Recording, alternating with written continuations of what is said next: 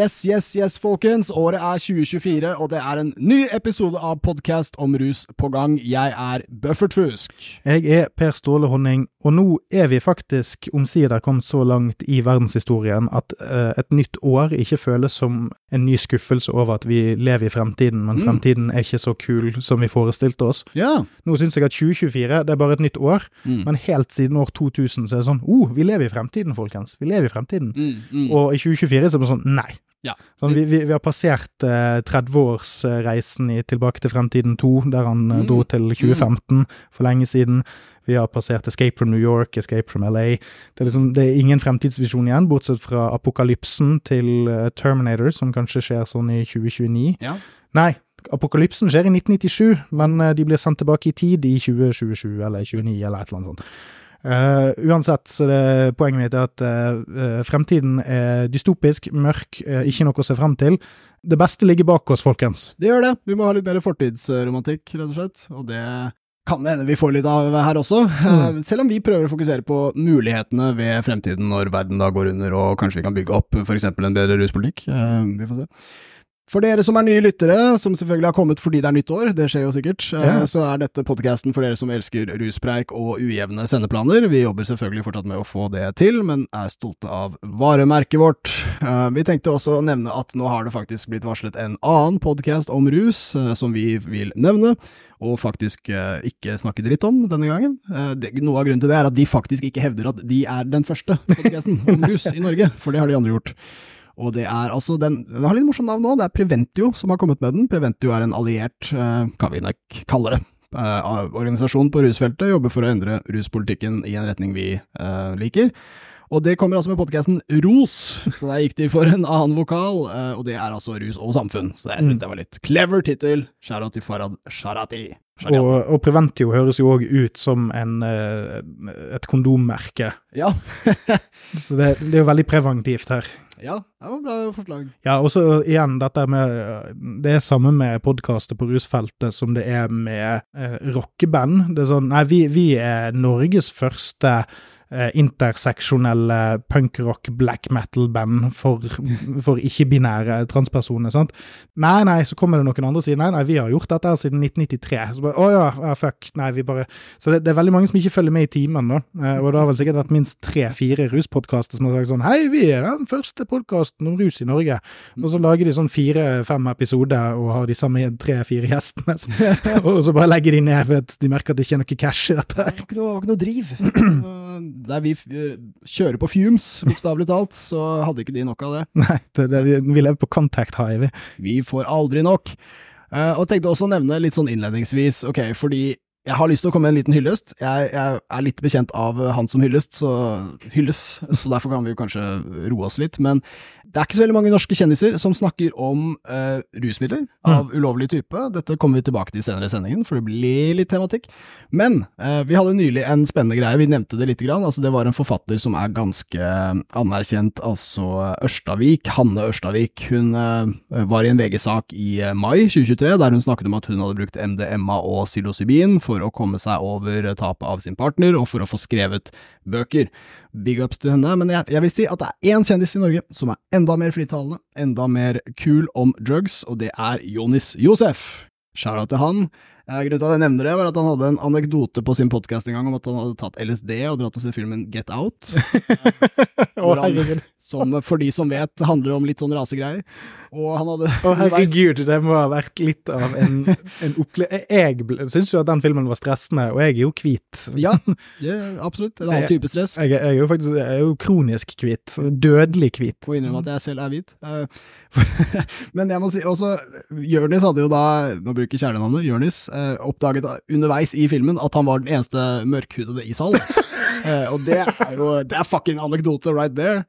Eh, så han har allerede vært både veldig morsom og veldig ærlig om rusbruk, og sluppet unna med det, mm. som er veldig fint, for han kunne alltids vært mer utsatt for å bli forfulgt av politiet, f.eks. Men nå har han også vært i um, Aftenposten, hvor det var en uh, deres nye uh, initiativ som heter Vink, som handler om sånn byliv og restauranter og whatever. Uh, men det er egentlig et intervju om at han liksom liker mat, savner morens mat. Men så blir det altså spurt er det noe du kunne ønske deg i Oslo som ikke finnes i dag. Og så sier Jonis jeg skulle ønske vi hadde legalisert weed, sånn at vi kunne hatt sånne kule marihuanaklubber. Det gir folk alternativer til å drikke seg dritings. Dette er så jævlig fett å bare skvise inn i en koseartikkel om mat og uteliv. Og så følger journalisten opp og spør hva er forskjellene på de formene for rus, tenker du? Plutselig er vi på en helt annen type sak. Og Jonis sier følgende, jeg siterer direkte, folk kaller alkohol for et sosialt glidemiddel, men det er rølpete og grisete. Du hører aldri om en fyr som røyker en joint og spør hvor er nachspielet? Det orker man ikke. Da har man heller lyst på en pizza og å komme seg hjem. Oslo hadde trengt det alternativet, for det er helt tydelig at vi har et drikkeproblem og applausen runger i mitt hode. Jævlig bra jobba. Jonis Josef, kuleste rusuttalende kjendis i Norge 2024. Her er det bare å prøve å utfordre tronen, folkens. Ja, og det ville ikke ødelagt noe for, for eh, gatepizzamulighetene heller, for det er, all, det er, jo de samme folkene som drikker som gjør det jævlig å kjøpe seg pizza og babbe midt på natten òg, så oh, ja, ja. Hvis, suttet, hvis, halvparten av de som skulle ha seg babbe, bare satt og var steine borti et hjørne og ventet fint på tur, så hadde det, det hadde gjort så utrolig mye positivt for opplevelsen. Særlig når det kommer til mat, så tenker jeg her er det mye nye markeder som ville kunne poppet opp. Hvor er babben min? Nei, du har ikke, du har ikke bestilt den, din kødd, hold kjeft. Ja, du kan få min hvis du bare holder kjeft. Fem babber og ta med fire hjem, spiser de kalde i morgen, stone-logikken. Det er mye muligheter. Fulle folk kjøper mye alkohol, og det er veldig dyrt, så de er på en måte villige til å bruke penger. Det er stonere også. Kom igjen, kapitalister, hiv dere på her. Det er penger å tjene. Så ja, eh, vi skal videre. Vi tar rett og slett eh, i dag og eh, fokuserer på videre på kjendiser senere, men først må vi ta et kjendisland. Kjent Vi skal videre, faktisk. det skal vi. Vi begynner med et kjendisland kjent for en viss krig. Det er altså landet Tyskland som vi skal til, for som noen kanskje husker, så har vi jo snakket om at de har jo lovet oss, eh, som bryr seg, om at de skal legalisere cannabis. De ja. skal rett og slett få det helt fucking lovlig. Og nå skjer det ting. Nå beveger det seg endelig. Og det er jo selvfølgelig napoleonskrigen vi tenker på. Ja, ja, ja, er du gæren. Narkokrigen. Var, var, var, var Prøysen, for så vidt, men det er jo, det er jo basically Tyskland. Alf Prøysen gjorde det igjen. uh, men vi, nei, vi, det er alle slags kriger. altså Det er jo narkokrigen som nå på en måte blir avsluttet i dette landet. Så mm. symbolikken er jo strålende. Eh, fredsmeglerne i Tyskland har jammen fått det til. Det, det, som skjer nå, er at det er faktisk eh, satt på plakaten i det forvirrende komplekset som er tysk politikk, om at nå skal det være en avstemning om legalisering av weed på neste ukes agenda, altså i februar, rundt den tyvende. Og dette er eh, ferske nyheter, altså. Det er det dere får her i dag. Dette ble altså kjent i går. Så nå skjer det ting, og det har altså vært uh, resultatet av at de har denne fellesregjeringen, denne koalisjonsregjeringen i Tyskland, som alle er enige, alle partiene er enige om å legalisere weed. De har brukt mye tid på å finne formen, og de har også hatt møter med EU. De har hatt uh, møter med sine kritikere, kristendemokratene, overraskende nok. De har vært på studietur i uh, California, og nå har de forhandla seg klart.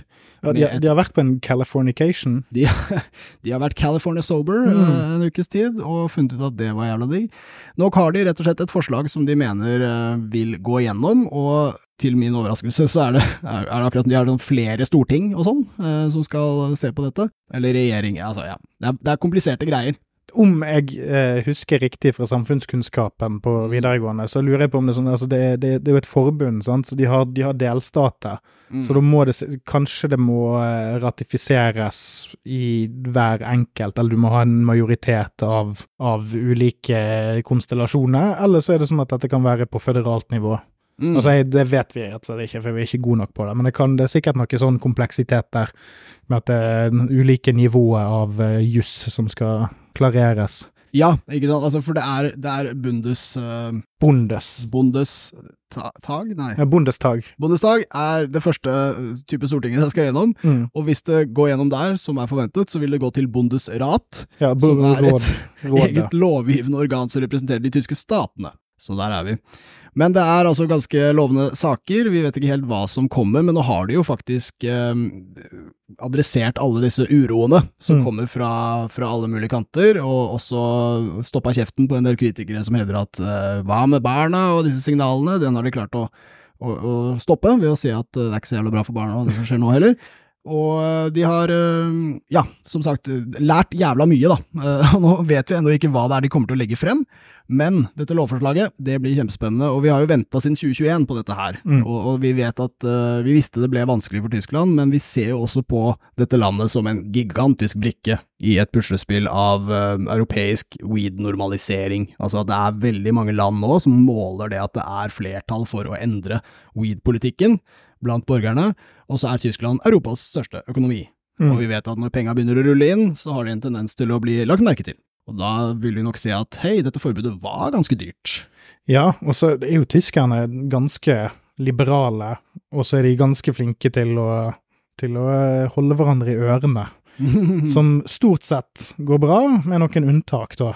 Ja. Så, så går det stort sett bra det jeg tenker, er jo at uh, det, det, er jo alltid økonomiargumentet som uh, er det som kommer til å være med tungtveiende uh, mm. for store deler av EU. Jeg vil tenke at det viktigste i norsk kontekst er bare å se at et naboland og de er basically et naboland, sånn mm. geografisk for oss, syns jeg. og bare det å se at det går i orden, og at det går bra, mm. det kommer det til å gjøre. For jeg tror de kommer til å holde ganske, ganske grei oversikt på hva enn de kommer til å gjøre. Jeg tror ikke de kommer til å gjøre det så half-assed som Nederland, f.eks.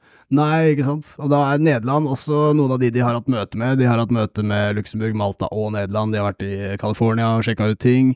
Uh, og det er ganske det, det, som vi kan spå litt, uten å spekulere altfor mye, det er at altså, mellom Norge og, og, Tyskland så ligger jo bare Danmark. Og mm. der er det allerede ganske mye på vippen. Der vil byene endre cannabispolitikken. Særlig København har tatt til orde for det i over ti år. Men Jylland og andre litt sånn mer rurale strøk vil ikke. Men etter at eh, Tyskland gjør det, så blir det vanskelig for Danmark å holde tritt. Og når Danmark eh, demningen brister i Danmark, og det renner inn med deilige birds, så blir det veldig vanskelig for, eh, for, norske myndigheter også. Det blir det allerede med Tyskland. Skal de ta førerkortet fra alle som ruller i land fra eh, Kiel-ferga? Ja, ja, si ja, for der, der, er du inne på noe med, med hele EU eh, Altså, det, det er jo dette med fri ferdsel mellom EU-land, sant. Så det som potensielt vil skje, er jo at hver eneste bil som ruller ut fra Tyskland, vil være en potensiell smuglercase. Så bare i, i volum så vil jo dette her være med å, å, å dempe tollproblematikken til en viss grad. Eller i hvert fall, det kommer til å tvinge nabolandene til å mm. eh, tenke på liberalisering, de òg. Og igjen, bare for å ta litt mer av bakteppet her, det har vært mye motstand også internt i Tyskland. Medlemmer av Bundesrat, igjen Kristendemokratene, har prøvd å blokkere denne foreslåtte reformen, siste gang i september 2023, men de mislykkes til slutt. Og det betyr mm. at de initiativene de tok for å på en måte erklære det ulovlig eller ugjennomførbart, er forkastet. Så dette er gjennomførbart, og det blir veldig spennende å se hva de foreslår, fordi vi vet at Tyskland har, prøvd, har tenkt å prøve på en komplett reformmodell. At de mm. rett og slett skal ha kontroll på produksjon helt ut til utsalg, at de skal ha bøndene med og alt mulig. Og når en sånn fester seg, så tror jeg det skal godt gjøres å, å fjerne den etterpå. Mm. Uh, nei, vi går tilbake til bare fullt forbud, vi. Ja, det er litt sånn uh, can of worms, pleier man å si, men det er jo mer som uh, can of bees. Det er mye vanskeligere å få biene tilbake enn i boksen etter at du har åpnet den. Mm. Så sant. En annen grunn til at dette har blitt forsinka, er faktisk konflikten i Israel og Palestina. Ja. At det var en av mange ting som heller tok litt mer fokus. Ja, og det er jo en av de tingene som Tyskland ikke er så flinke på akkurat nå. De, Lov å sitte stille i båten der? Ja, de, de, har jo, de har jo begynt å Og dette er bare fordi de trenger eh, å få ut sånn 30 sekunders uh, gripe om dette. De driver jo og forfølger jødiske artister mm. for å være antisemitte i Tyskland. Det. De har masse sånne antisemittismeråd der det stort sett ikke sitter jøder, som uh, har, har i oppgave å sørge for at man ikke er antisemittisk i Tyskland. Så da kommer kommer det, da kommer det jødiske uh, kunstnere som er kritisk til israelsk politikk, og, og støtter ulike palestinaorganisasjoner, og så får de uh, pålegg fra antisemittismerådene om at nå er de antisemitter. Så det er masse sånn hvis, hvis, du begynner å bla opp i det der Det var, det var en sånn veldig long read med en sånn Hun er vel ja, russiskfødt jødisk ja kunstner og skribent, som mm. hadde en long, veldig sånn god long read om det der en eh, Kanskje det var en, en, en, av de litt mer sånn større amerikanske avisene eh, mm. om, om, det komplekset der. Shit. Apropos så. pålegg, herregud, for en ironi-sandwich av dimensjoner. Uh. Ja, det er jo, det er, så, som en, det er jo som en konsekvens av overkompensering ja. etter visse andre ting som har foregått i Tyskland. Blir fort det. Mm. Men uh, så er det altså narkokrigen de ser ut til å håndtere best av alle. Jo, men her har ikke de sant? Altså, Det er jo det er jeg mener med at Tyskland fungerer ganske bra, så fremt det ikke er eh, noe som eh, slår krøll på seg, og det er ikke tilfellet her, vil jeg si. Her eh, tror jeg Dette er på riktig side av hva de kan bruke rasjonelle, den rasjonelle delen av hjernen på. Definitivt. Det blir spennende. Foreløpig vet vi ikke engang hva som legges frem, bortsett fra at det er lovende, og det er altså på onsdag den kommende dette skal skje, så den 21. februar vil det stemmes. Yes. Yes, og så videre. Vi skal i dag sladre litt. Vi snakker om kjendiser. Vi gjør hva som helst for lyttere, folkens. Vi vet at dere liker fjas. Vi ser hva som er på topplistene, og eh, vi skal da snakke om en annen podkast. Det er også sånt som eh, er populært. Og Ja. eh, vi, vi må nettopp, rett og slett innom en, det jeg vil beskrive som en underlig podkast. Jeg ville nok kanskje brukt det ordet om veldig mange av de som er populære. Jeg vet ikke hvor populær denne er, men vi skal snakke litt om Solveig Kloppens podkast som heter Min barneoppdragelse. Det, det er litt sånn artig. Jeg, jeg har jo ikke hørt om denne podkasten før eh, vi ramlet over det i forkant av denne episoden, men det er på en måte akkurat den podkasten jeg ser for meg at eksister, den, den, den eksisterer, den. Den altså, den, den gjør det. altså sånn, Når jeg fikk høre det, så sånn Ja, selvfølgelig har Solveig Kloppen en sånn podkast. Mm. Fordi Solveig Kloppen er jo kjent for å være koselig. Ja. Eh, og hvis hun skal være koselig, så må hun ha et litt generelt tema, eh, der hun kan sitte veldig sånn Hæ? Ja, mm, ja. ja. Å, å, neimen. Sånn. sånn. Uh, og, og Dette er jo alle norske podder. ja, og, ja, og, og, sant? og hennes segment, det er ja, voksne folk mellom, mellom la oss si 35 og 60, Ja. som bare sånn Nei, nå skal jeg ha noe å høre på. Ja. Nå skal jeg ha litt pludring. Ikke utfordre meg for mye. Ikke, Ja, ikke, ja. Det er nok krig, det er nok drama. Ja, og, dette, og nå, nå, det er ikke nedlatende om noe som helst om uh, Solveig Kloppens eh, store katalog av uh, enorme bidrag til norsk kulturliv. Jeg har ikke et vondt ord å si om Solveig Kloppen som person, egentlig. Men, det, men det er òg akkurat denne mengden med mangel på motstand Ja. jeg forventer av eh, norske podkaster. Minste motstands underholdningsvei. Eh, hvis jeg har noe kritikk her, så blir det igjen en kritikk jeg kan rette mot de fleste podcaster i Norge, og mot veldig mye av underholdningen, at det er ganske kjedelig. Det er Og ganske kjendisete. Ja, og kjendistungt. Det er jo hele den norske offentligheten. Kjedelig og kjendistung. Og det her har altså vært en podkast, den, den går så sakte at researchen var ordentlig utfordrende. Jeg, kanskje man kunne fylt på med noe depressante stoffer eller noe sånt, som man kunne tenkt like sakte som de snakker. Det hadde kanskje vært en fordel. Ja, men det, det er jeg òg fascinert, for dette er jo podkaster som angivelig har lydfolk som de betaler. Man skulle jo trodd at denne lydpersonen kanskje kunne tatt eh, og trykket på funksjonen komprimer stillhet. Får vel timesbetalt, da. Eh, skal Ja, og, ja, timespill, ja, skal ikke Jo, jo, men han kunne jo gjort det, og så sittet i en time og gjort ingenting. Det, det altså sånn Mye makt. det, ikke, ikke at jeg har tatt timesbetalt for å gjøre akkurat dette her. Nei, du da. Nei. Det er, ikke, det er ikke derfor du kan disse triksene. uh, nei, men vi, vi, vi kunne jo snakket mye om selve podcasten, selv om den er litt utenfor vårt eh, faglige rammeverk. men uh, vi skal ta for oss en spesifikk episode, som også ble litt omtalt fordi det fikk en Se og Hør-artikkel, som var angående vinklingen vi skal ta tak i, som selvfølgelig er rusrelatert. Og det er podkast med følgende kjendis, prr, Tone Damli. Ja, kjent fra Idol. Idol, og så var, etter at hun var Idol-Tone, så var hun var, det, det, ut, Uten å sjekke, Mm. la meg tippe hva andre sånne suffikser hun har hatt. Mm. Idol-Tone, eh, Skal vi danse-Tone, Stjernekamp-Tone, Ja, kanskje. eh, 71 grader nord-Tone, Vært, vært dommer på noe talent. eh, Kjendisfarmen-Tone, Ja, ja. eh, Hjelp, jeg er nødt til å synge på eh, bedriftssamlingen til Equinor. Tone. Altså, uten å ha sjekket noen form for fasit her, så tipper jeg over halvparten av de der treffer. Det, det er rimelig sikkert. Men det er eh, hva, hva skal man, Hvordan skal vi innlede dette her? Eh, hvem, hvem er dette her for, er jo det første. Er det, er? Altså, Tone Damli eh, Domleberget, hun, eh, som hun var kjent som når eh, hun var Idol-Tone. Hva var det hun het, sa du? Tone Dimli Damleberget. Ja. ja. Mm. Uh, hun er jo eh, først og fremst kjent for å synge andre folks sanger, Mm. så da er det jo ikke så veldig overraskende at hun nå i denne podkasten eh, sier andre folks dårlige argumenter Mm. eh, mot, eh, mot eh, narkotikabruk og sånt. Det er det Eh, som skal skje her. men, men altså, selve, selve formatet er kort og godt to trivelige eh, kjendiser sitter og snakker om barn. Ja. Eh, og utfordringer med det. sant? Og vi som har lagd podkast en stund, vet jo at eh, det viktigste å ha er et format der du bare kan putte inn de samme gamle greiene, og så eh, kan du bare gulpe opp en ny variasjon hver uke. Uten strev. Eh, og det denne podkasten, eh, episoden, gjør spesifikt, er at det er akkurat den samme gamle skiten som sikkert de gjorde uken før, med kanskje med Idol, Idol Ja. eh, eller med, med Christer Falk kanskje har vært med der.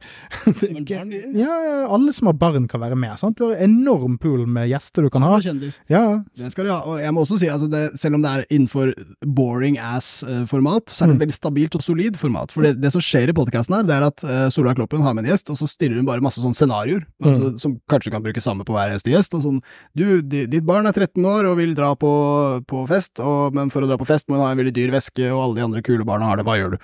Altså, bare, sånn type etter barnets alder og etter diverse etiske problemstillinger, hva gjør du? Ja. Svar på det. Sier òg noe om, eh, om eh, klassesituasjonen til både programleder og gjest, at det, at det spørsmålet kanskje kan være en gjenganger. Dyr Ja. væske. Ja, det, jeg fant det på, jeg må si det, men, men det er sånne ting. Ja. Det handler ofte om pengebruk, ja. Det gjør det. Og eh, det som er eh, grunnen til at vi eh, er så aktuelle til å være kommentatorer om akkurat den saken som Se og Hør, sterk journalistiske kjerne, eh, valgte å ta tak i, det er jo at, at Tone har snakket litt om drugs. Vi tenkte å putte det litt mer i kontekst, fordi Se og Hør-artikkelen handler jo selvfølgelig om at hun tar avstand mot drugs, og det er jo helt supert og sånn. Vi legger litt mer merke til de ironiske og, og nærmest selvmotsigende aspektene Mm. det som ble sagt.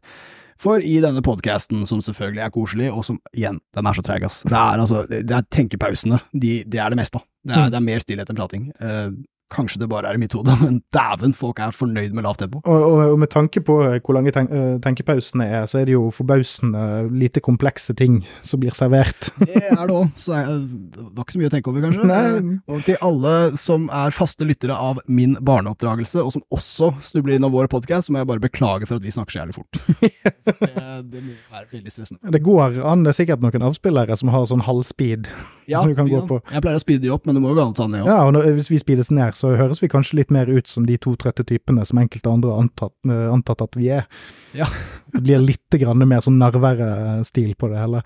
Ja, ja nei, så, så det som skjer i sendingen, la oss ta tak i det. Altså Først så spør jo Solveig Kloppen da eh, Tone Damli om hva hun hadde gjort om 15-åringen hennes hadde med seg alkohol ut. Og det er et scenario alle sånn her, din 15-åring skal på fest, og det klirrer. Mm. Du kjenner, hører klirringen, og da hva betyr klirring? Det må jo bety alkohol. Eh, og da er Tone Damli kjapp på den uh, rusliberale ballen. Mm. Det er jo det vi liker. Sånn skulle det alltid vært. Hun er bare ja, ja, ja, altså, jeg var jo enda yngre da jeg begynte, og det er, hun er jo en, en dame fra bygda. Hun Mm. har bygda-identitet, og ingen hat eh, fra oss mot det.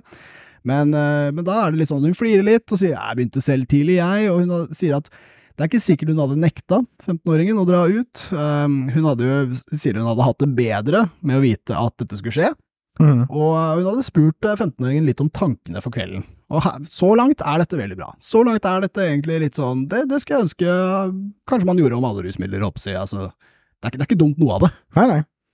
Vise toleranse, snakke, be om informasjon, uh, understreke at det er finere med kunnskap enn mangel. Uh, hun har også fått eh, spørsmål i sendingen, altså det som er gøy, er at den narkotikabiten kommer jo helt til slutt. Så før det så har vi jo Og jeg har, jeg har hørt hele episoden. Jeg bare, Fordi du er dedikert. fortjener masse skryt for det.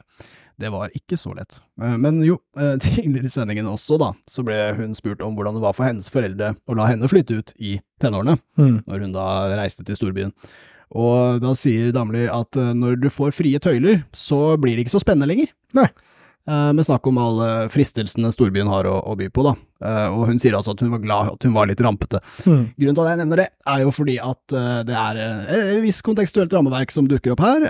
Tone Damli er en sprek, chill dame fra bygda, syns det er helt greit å drikke, for det har hun gjort sjøl, og drar til storbyen, og det var fint hun fikk frihet, fordi da normalisering gjør ting mindre Mm. Ja, og så er det òg denne greien som eh, ligger litt i norsk kultur med å være rampete. Vi er veldig glad i å ikke gjøre som alle andre sier, men vi skal ikke være så veldig spesifikke på hva vi har gjort. Stor forskjell på rampete og kriminelle i Norge. Ja, Veldig stor forskjell. Ja, så Hva er det Tone Damli Dimle-Damle mener egentlig når hun sier at at eh, hun har vært rampete? Altså, er det det at hun har drukket når hun var mindreårig? Har hun, eh, har hun kjørt i fylla? Har hun knivstukket noen på byen? Altså, det er ganske stor eh, altså, jeg, det er ganske stor eh, spennvidde. Jeg vil tippe at det stort sett handler om at hun har, hun har kanskje vært litt bakfull noen ganger. Ja, rampe der, sånn ringestikk. Og, klassisk. Sånn. sprengt post, postkassen til sognepresten. sant? ja, det er, det er terror i 2024, men, men vet det er sånn rampeunge driver med. Mm. Rampete, det er på en måte det laveste begrepet som kan beskrive lovbrudd, eller, eller nordbrudd. Ja, men men husk at det neste steg fra å være rampunge er jo å ramponere. Oh. Så det er jo ikke så gøy. Og så er det jo klart det at altså, kommer du fra en udrenert grøft utenfor Sogndal, sant, så er det jo selvfølgelig visse elementer i eh, voksenlivet som kanskje ikke er like interessant for deg, eh, og det er jo forståelig.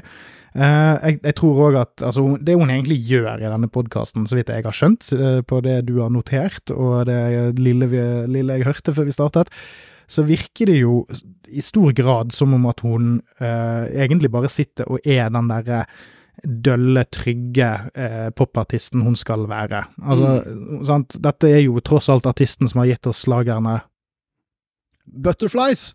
Jeg har en! Oi! jeg har en, jeg mener oppriktig at det er en ålreit sang. Jeg hadde tenkt å nevne det i sted som en sånn It, It Ain't All Bad med Tone Damli. Hun har én sang som er et godt Er, pop-verk. er det faktisk hennes sang òg? Det er Butterflies. hun, hun har én originalsang. Det vet jeg fordi eh, min venn artisten Klish, Mm. til uh, Klish, har uh, fullstendig oppheng i denne låta her. Okay. Han, er jo, uh, han er jo på Spekteret, Mm. det er blitt en ting, og um, har spilt den veldig mye. Mm. Og jeg har måttet gi meg og si den er bra. Det er faktisk, det er godt pop-håndverk, altså. You giving me butterflies. Yeah. Ok, da. Jeg hadde jo tenkt at den pinlige stillheten skulle få lov til å tale for seg sjøl, men eh, det er jokes on me. Ja, Eh, men jeg har uh, ingen andre sanger enn den. Men, men samtidig, det, det inngår jo òg både i formatet og, og uh, hvem som snakker med hvem her. Altså, det, dette er ikke arenaen for å si drøye ting. Det er ikke det. Uh, og det er dessuten eh, element av Du snakker om barna dine. Eh, det er god grunn til å tro at eh, kanskje Eller frykte at noen hører deg. Mm. Eh, kanskje ungene dine hører deg. Eh, kanskje hun overkompenserer. Nå skal, ikke, nå, skal jeg anta at hun mener det hun sier, altså. Det er ikke det. Mm. Men eh, det der å safe seg Altså, hennes karriere er å være safe. Ja. Om hun hadde hatt sterkere meninger den ene eller den andre veien, Yes. så er det ikke å forvente at det skulle komme noe annet heller.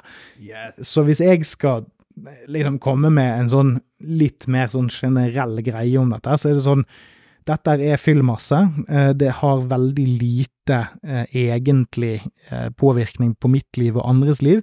Det er en ganske utdatert holdning hun har, eh, og det eneste som er påfallende, er hvor inkonsekvent hun er, eh, og hvor, hvor lite disse tingene Altså, det, de, de går ikke inn på de går ikke inn i materien på hvorfor det Altså, det er bare sånn Nei, dette skal ikke være noe av. Jeg liker ikke at dette er en ting. Ja. Eh, hold det unna ungene mine. Punktum. Nettopp, og det er jo den trauste, gode tilnærmingen. Vi er nødt til å komme med sitatene, så folk skjønner hva vi snakker om. Det er altså, igjen, det, husk at vi har snakket om rampete. Det er gøy med rampete barn. De drikker litt alkohol, og de flytter til storbyen, og ramping er fint. Men gjett hva som ikke er rampete. Narkotikas. og her er det altså verdt å merke seg at det beskrives i voldsomt liten grad hva slags rusmiddel det er snakk om. Faktisk får vi en liten indikator på premisset fra Kloppen, som da eh, eh, tar det at eh, et, et scenario hvor det er altså datteren din er hjemme og feirer jul, og hun er sånn i 20-årene eller et eller annet, men så finner du en pose med hvitt pulver og noen mystiske piller. Så der har vi allerede en liten indikator på hva slags rusmiddel det er, den eneste vi får. Mm. Uh, og det er altså hvitt pulver, og det er piller. Da er det ikke weed. for eksempel. Så vi kan jo anta at det er snakk om uh, skumlere narkotikas enn det. uh, men så kommer altså svaret fra Damli på dette scenarioet. Hun Mm. finner en pose, og hun finner noe piller. Mm. Da ville, sitat, da ville jeg gå til angrep.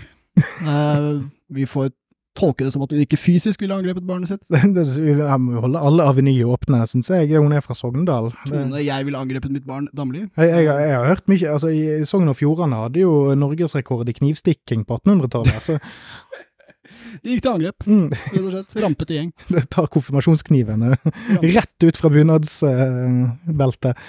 For en gjeng med ramp. Eh, Det blir en meme her å si rampete. Eh, Så ja, nei, eh, Tone fortsetter at det er noe hun har nulltoleranse for. Og eh, noe, ikke sant? Det er ikke, det er ikke rusmidler hun har nulltoleranse for, det er noe.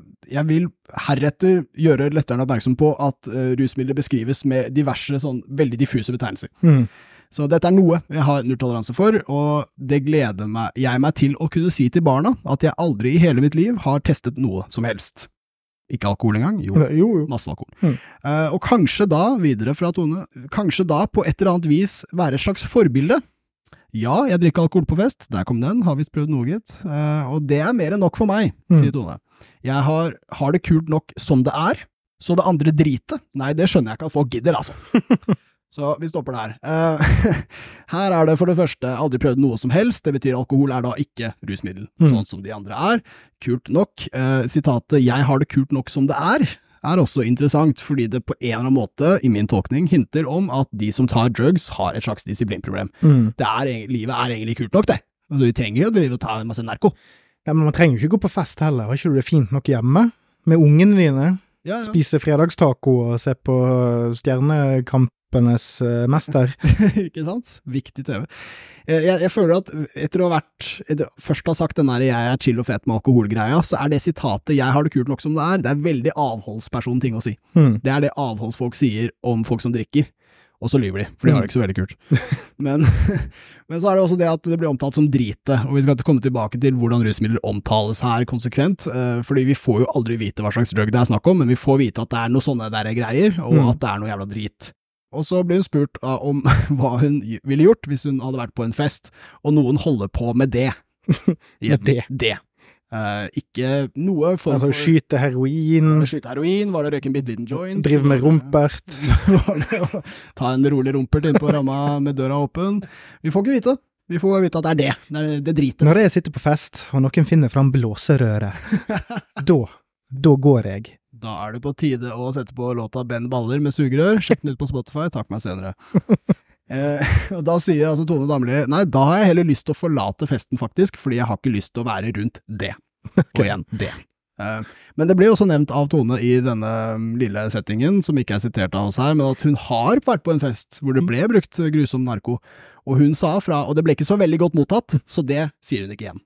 Eh, da vil hun heller bare gå. Ja. Men hun vil si fra hvorfor hun går. Hmm. Hun vil understreke at det er av narkobruken jeg går. Og alle på festen var sånn 'jeg må slutte med narkotika'. Eh, Dette var le le leksa jeg trengte, Ja. tenker de da. Takk, Tone Damli Dumli Beverge. Alt jeg ville var å henge med Tone Damli mens jeg var på kåk, men nå skjønner jeg at eh, livet mitt har falt i grus.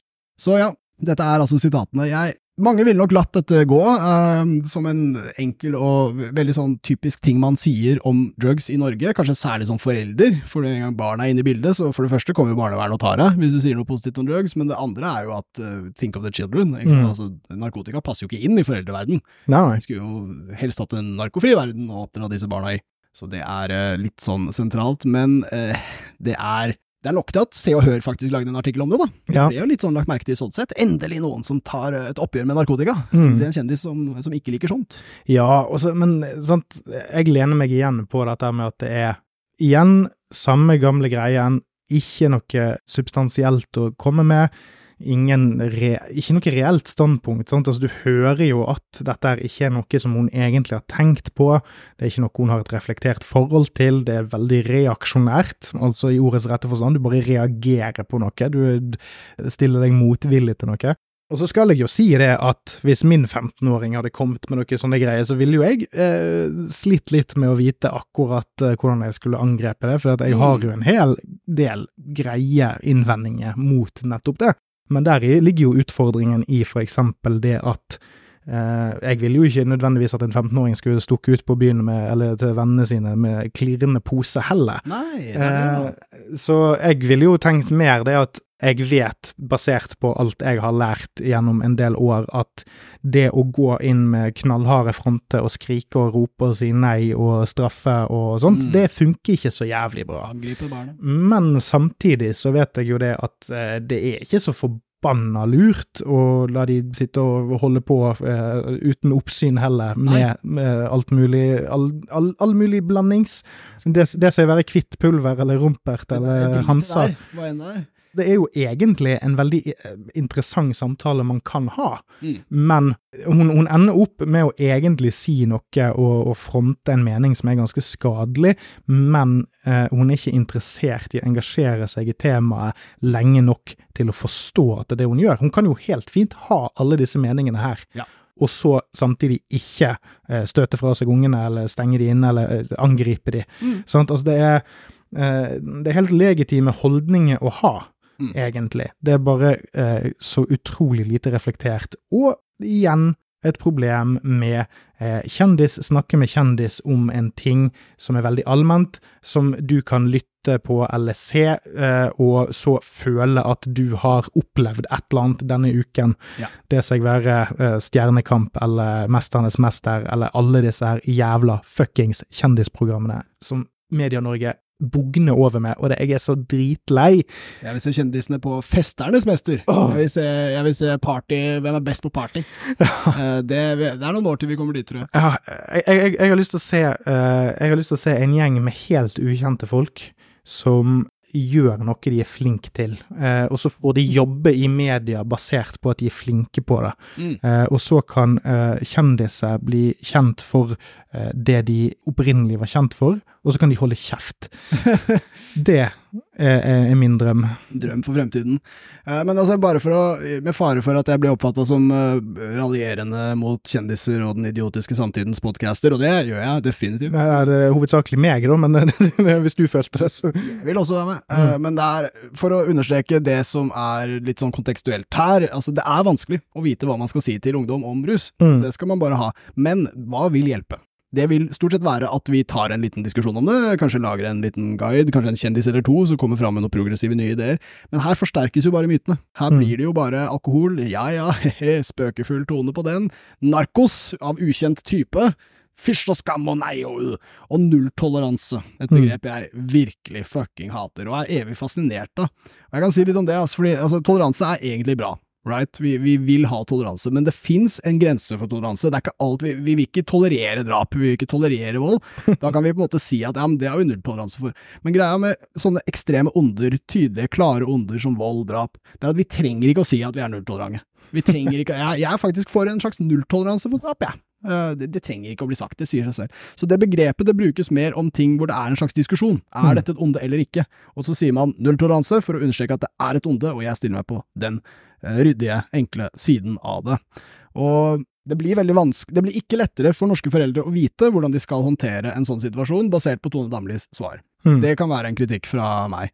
Og det andre er jo at uh, det, språket er så innmari unnvikende her. Vi lærer jo absolutt ingenting. Det, det, det spilles den safe greia, og så spilles det en sånn hatefull forakt, en sånn angrepsposisjon, Mm. og, og stolthet over aldri å ha prøvd det. Og igjen, for all del, vær stolt av det, men ikke lat som om det er en prestasjon, en bragd.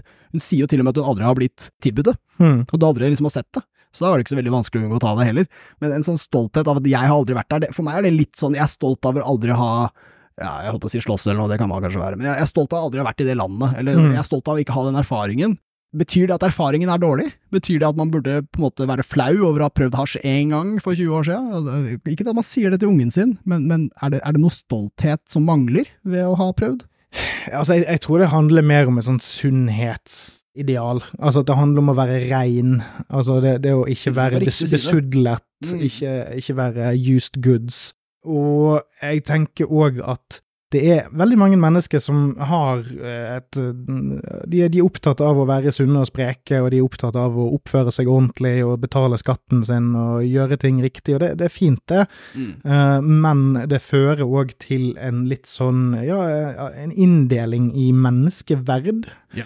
Det, det, det som er litt sånn tricky med den måten å, eh, å tenke om rusmidler på, er jo det at hun helt åpenbart kjenner folk som driver med dette. Hun kan jo ikke ha vært på en kjendisfest i Oslo de siste 20 årene. Hun har faktisk vært kjendis i 20 år. Mm. Hun kan, hun kan ikke det uten å ha vært rundt en hel drøss med rusa folk Mm. uh, hele tiden. Så det er enten en sånn greie der hun bare ignorerer dette her og ikke merker det, Mm. eller at folk bare ikke inkluderer henne i det, eller whatever. Men, men det, det er uansett et slags sånn hun, hun på en måte fremelsker litt det å være naiv, Mm. eh, eller å ikke eh, være eh, verdensvant, på et eller annet slags vis. For én ting er, er det der å Å, det ser jeg ikke, eller jeg har sagt ifra og litt sånt, men jeg, jeg kan ikke noe om det. Mm. Altså sånn at ignoranse i seg sjøl er en dyd, og det sier noe om hvor bra liv du har levd. Ja. Eh, og det, det er jo òg litt sånn herre det var en dyd før i tiden, det er ikke det nå lenger. Det er, alt dette her er gammelt. Det er old hat. Det er ikke noe Det er ikke, det er ikke verdt noe. Det, det er ingenting av interesse her, egentlig. Ingen utvikling, ingen fremgang. En ting jeg syns er interessant, er den distansen Mm. som uh, det legges opp til. De står så langt unna uh, narkotika at de ikke engang uh, tror de vet så mye, men, men i hvert fall ikke kan si hvilket stoff det er. Det spiller ingen rolle. Hasj, heroin, whatever. Nei takk, fysj. Eh, og det er eh, Det gjenspeiles også i Kloppens uh, hva skal jeg si, ikke så harde journalistikk. Jeg skjønner at det ligger i formatet, at man Mm. ikke skal drive og arrestere gjestene, men det, det blir veldig sånn mm, ja, mm, ja, nei, men det, det, det sa du nå, og jeg er også her. Eh, Men så er det det at distansen med, med hvordan rusmidler omtales ekstremt vagt, og hvordan man på en måte 'Å, jeg vet ikke noe om sånt noe, og jeg skjønner godt at du reagerer på det ukjente', så er det rart å gå til angrep òg. Altså, Mm. fordi Veldig angripende. Veldig sånn 'Jeg skal faen meg ta den greia der som jeg ikke vet hva er', som jeg ikke kan beskrive, som jeg ikke har noe interesse for. Men jeg skal i hvert fall angripe, fordi jeg ikke vet hva det er. Mm. Eh, kanskje litt motivert av det. Eh, det, er noe, det er noe diffuserende der. Og så er det også, jeg vil bare nevne måten rusmidler omtales i sendingen. Det ene vi fikk vite om hva slags drug, det var at det var pulver og piller. Så da vet vi at det ikke var weed, men ellers kan det stort sett være alt mulig annet. Mm. Og ellers, så og jeg har skrevet ned hvordan rusmidler blir omtalt konkret i sendingen, og det blir omtalt som det, den dritten, slikt noe, de greiene, og sånne ting. Så alle disse her er altså puttet inn der hvor man kunne sagt heroin, man kunne sagt weed, man kunne sagt narkotika, man kunne sagt rusmidler, man kunne sagt rusbruk. I stedet sier man dette. Det er en så uhyre svær distansering. Det er rett og slett Man vil ikke vite hva man snakker om, men man vil likevel angripe det. Og jeg er evig fascinert av det. Og særlig liksom Det er så lite distanse når du snakker om alkohol. Det er altså en sånn sporty tone, og ikke bare har jeg forståelse og er chill forelder når sånt skjer, men det er jo fordi jeg selv drakk tidlig og var tidlig kul, og liksom Hva hvis noen har forlatt festen du var på fordi du drakk, da, Tone? Hadde det vært noe gøy? Hæ? Der, der, der er det liksom ingen distanse i det hele tatt, men så voldsomt når det er snakk om andre rusmidler. Og hun sier jo til og med at jeg har aldri prøvd noe som helst, og så Mm. snakker hun om rusmidler, og så snak, følger hun opp i, i neste setning og sier at jeg har drukket masse alkohol. Hvor hvor skillet der. Ja, hun er jo sogning, da. Det er viktig å huske. For all del, der har de drukket gjæra epler i Ja, ja, og det, er jo masse, masse, masse masse sånn uh, identitetsgreie der med å være tidlig drita.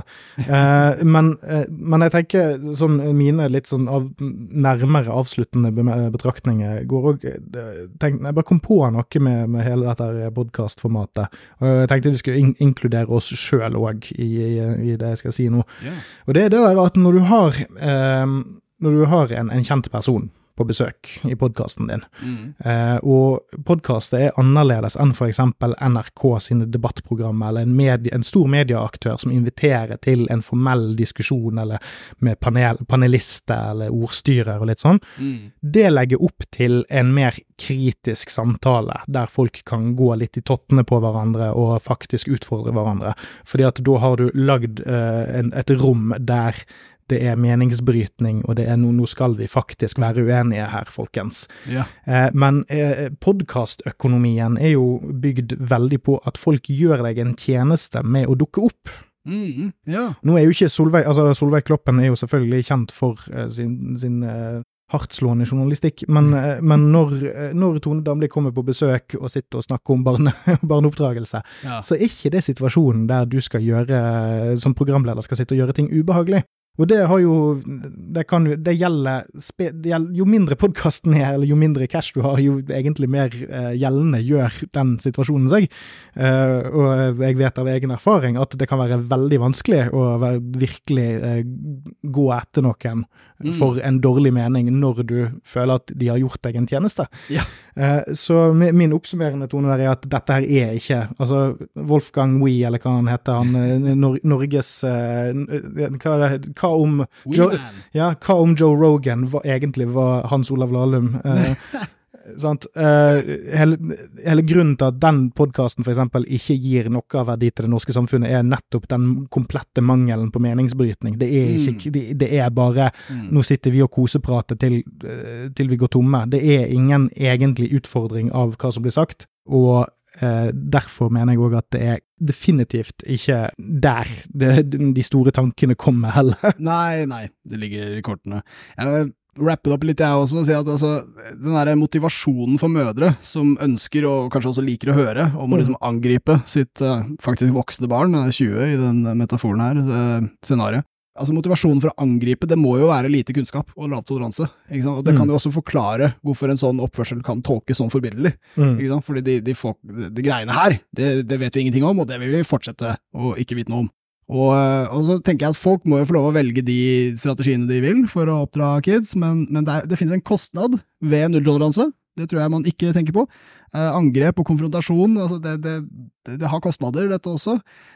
hvis de ungdommene da skal Hvis idealet er at ungdommene skal være ærlige om vanskelige ting, som Mm. eksempel rusbruk kan føre til, så vil det veldig det vil minske det rommet, da. Altså, det vil egentlig begrense tilliten til foreldrene, og det tror jeg det er det siste de egentlig har tenkt på. Uh, hvis de skal liksom ringe hjem og si 'jeg tok narkotika og det skjedde noe grusomt', så blir det lettere eller blir det vanskeligere av Mm. den strategien som Damli bruker her. Det er helt åpenbart. Det, man vil som forelder at barna skal komme til seg og snakke om hva som helst, selv når det er vanskelig. Og det gjør at du som forelder er nødt til å være forberedt på at du kommer til å få høre noe jævla kjipe ting. Mm. No, noe fucked up shit som du ikke vil høre. Det er kostnaden av å ha den strategien. Jeg vil at ungen min skal komme til meg og snakke om alt som har med grusom vold, sex og rus å gjøre. Det kommer ikke til å bli fett, men så er det også alle tre elementer som er naturlige for ungdom å snuble over, og som er veldig viktig å ha foreldrenes støtte i hvis det går galt. Ja, og så vil jeg også si at mest sannsynlig, nå har jo ikke jeg hørt hva hun sier om sin generelle barneoppdragelse der, men hvis hun, hun er jo eh, en, en relativt, ikke ung, men ikke gammel mor, så hun følger sikkert med i tiden og leser pedagogiske tidsskrifter og andre foreldrepodkaster og sånn. Hun har sikkert lært seg det at eh, med barn så eh, er det sånn at eh, negativ oppmerksomhet det motiverer veldig ofte til akkurat det du ikke vil at de skal gjøre. Eh, Så strategien generelt sett når de gjør ting som de ikke skal, er å ikke, ikke lage så jævlig mye styr om det. Prøv heller å ta, ro det litt ned, snakk litt om det når, alle, når pulsen er lav. Ikke lev i øyeblikket, eller tenk langsiktig. Mm. Og dette er jo det stikk motsatte. Så eh, hvis du, hvis du generelt sett eh, oppdrar ungene dine ut ifra prinsippet om at du ikke skal lære de dårlige vaner, så er den beste måten å lære de eh, gode rusvaner, er jo ikke angripe de. Ikke sant. Og jeg, jeg tenker det er, for å gi litt skryt, fint at Solveig Kloppen tok dette opp. Um, fint at det i det hele tatt ble en kommentar, at det ikke bare blir klippa ut, eller noe sånt. Men jeg vil også påpeke, i det scenarioet hvor du da plutselig finner noe piller og noe pulver eh, hos 20-åringen din, og det kommer som et sjokk, så er det egentlig litt seint. Den praten burde egentlig allerede vært tatt. Du har allerede kommet på informasjonsunderskudd, og så blir du fly forbanna. Blir ikke noe mer informasjon på deg, ass. Sorry, den ungen er allerede litt lost, og du skyver den videre ut. Så eh, hvis dere har lyst til å være like gode foreldre som Tone Damli, så, så virker det som hun er ganske flink på andre ting, altså. Mm. Men, men her finnes det en måte du kan bli bedre forelder enn Tone Damli, ved å rett og slett mestre og ikke forsterke myter om rus, men faktisk ta et oppgjør med galskapen som har skjedd med, med informasjon rundt dette og barneoppdragelse i så mange år, som har skjøvet sårbare ut i kulda. La ikke dine barn være de sårbare. Kom igjen, vi kan bedre. Tone Damli, dårlig mor. Jeg, sier- jeg sier nei. Hun er flink, hun. Hun er flink. Ja. Butterflies er en bra låt. Ja. Eh, vi, vi må bare gi oss der. Vi får avslutte med, med, med positivitet. Vi gjør det, og den sangen handler jo om en person som gir Tone Damli butterflies, eh, og må ikke glemme at noen rusmidler kan gi ungdom butterflies òg. Rumpert, for eksempel. Fikk jævlig butterflies av den rumperten der, altså. Takk for oss. Shout-out Solveig Kloppen, snakkes på den. God natt.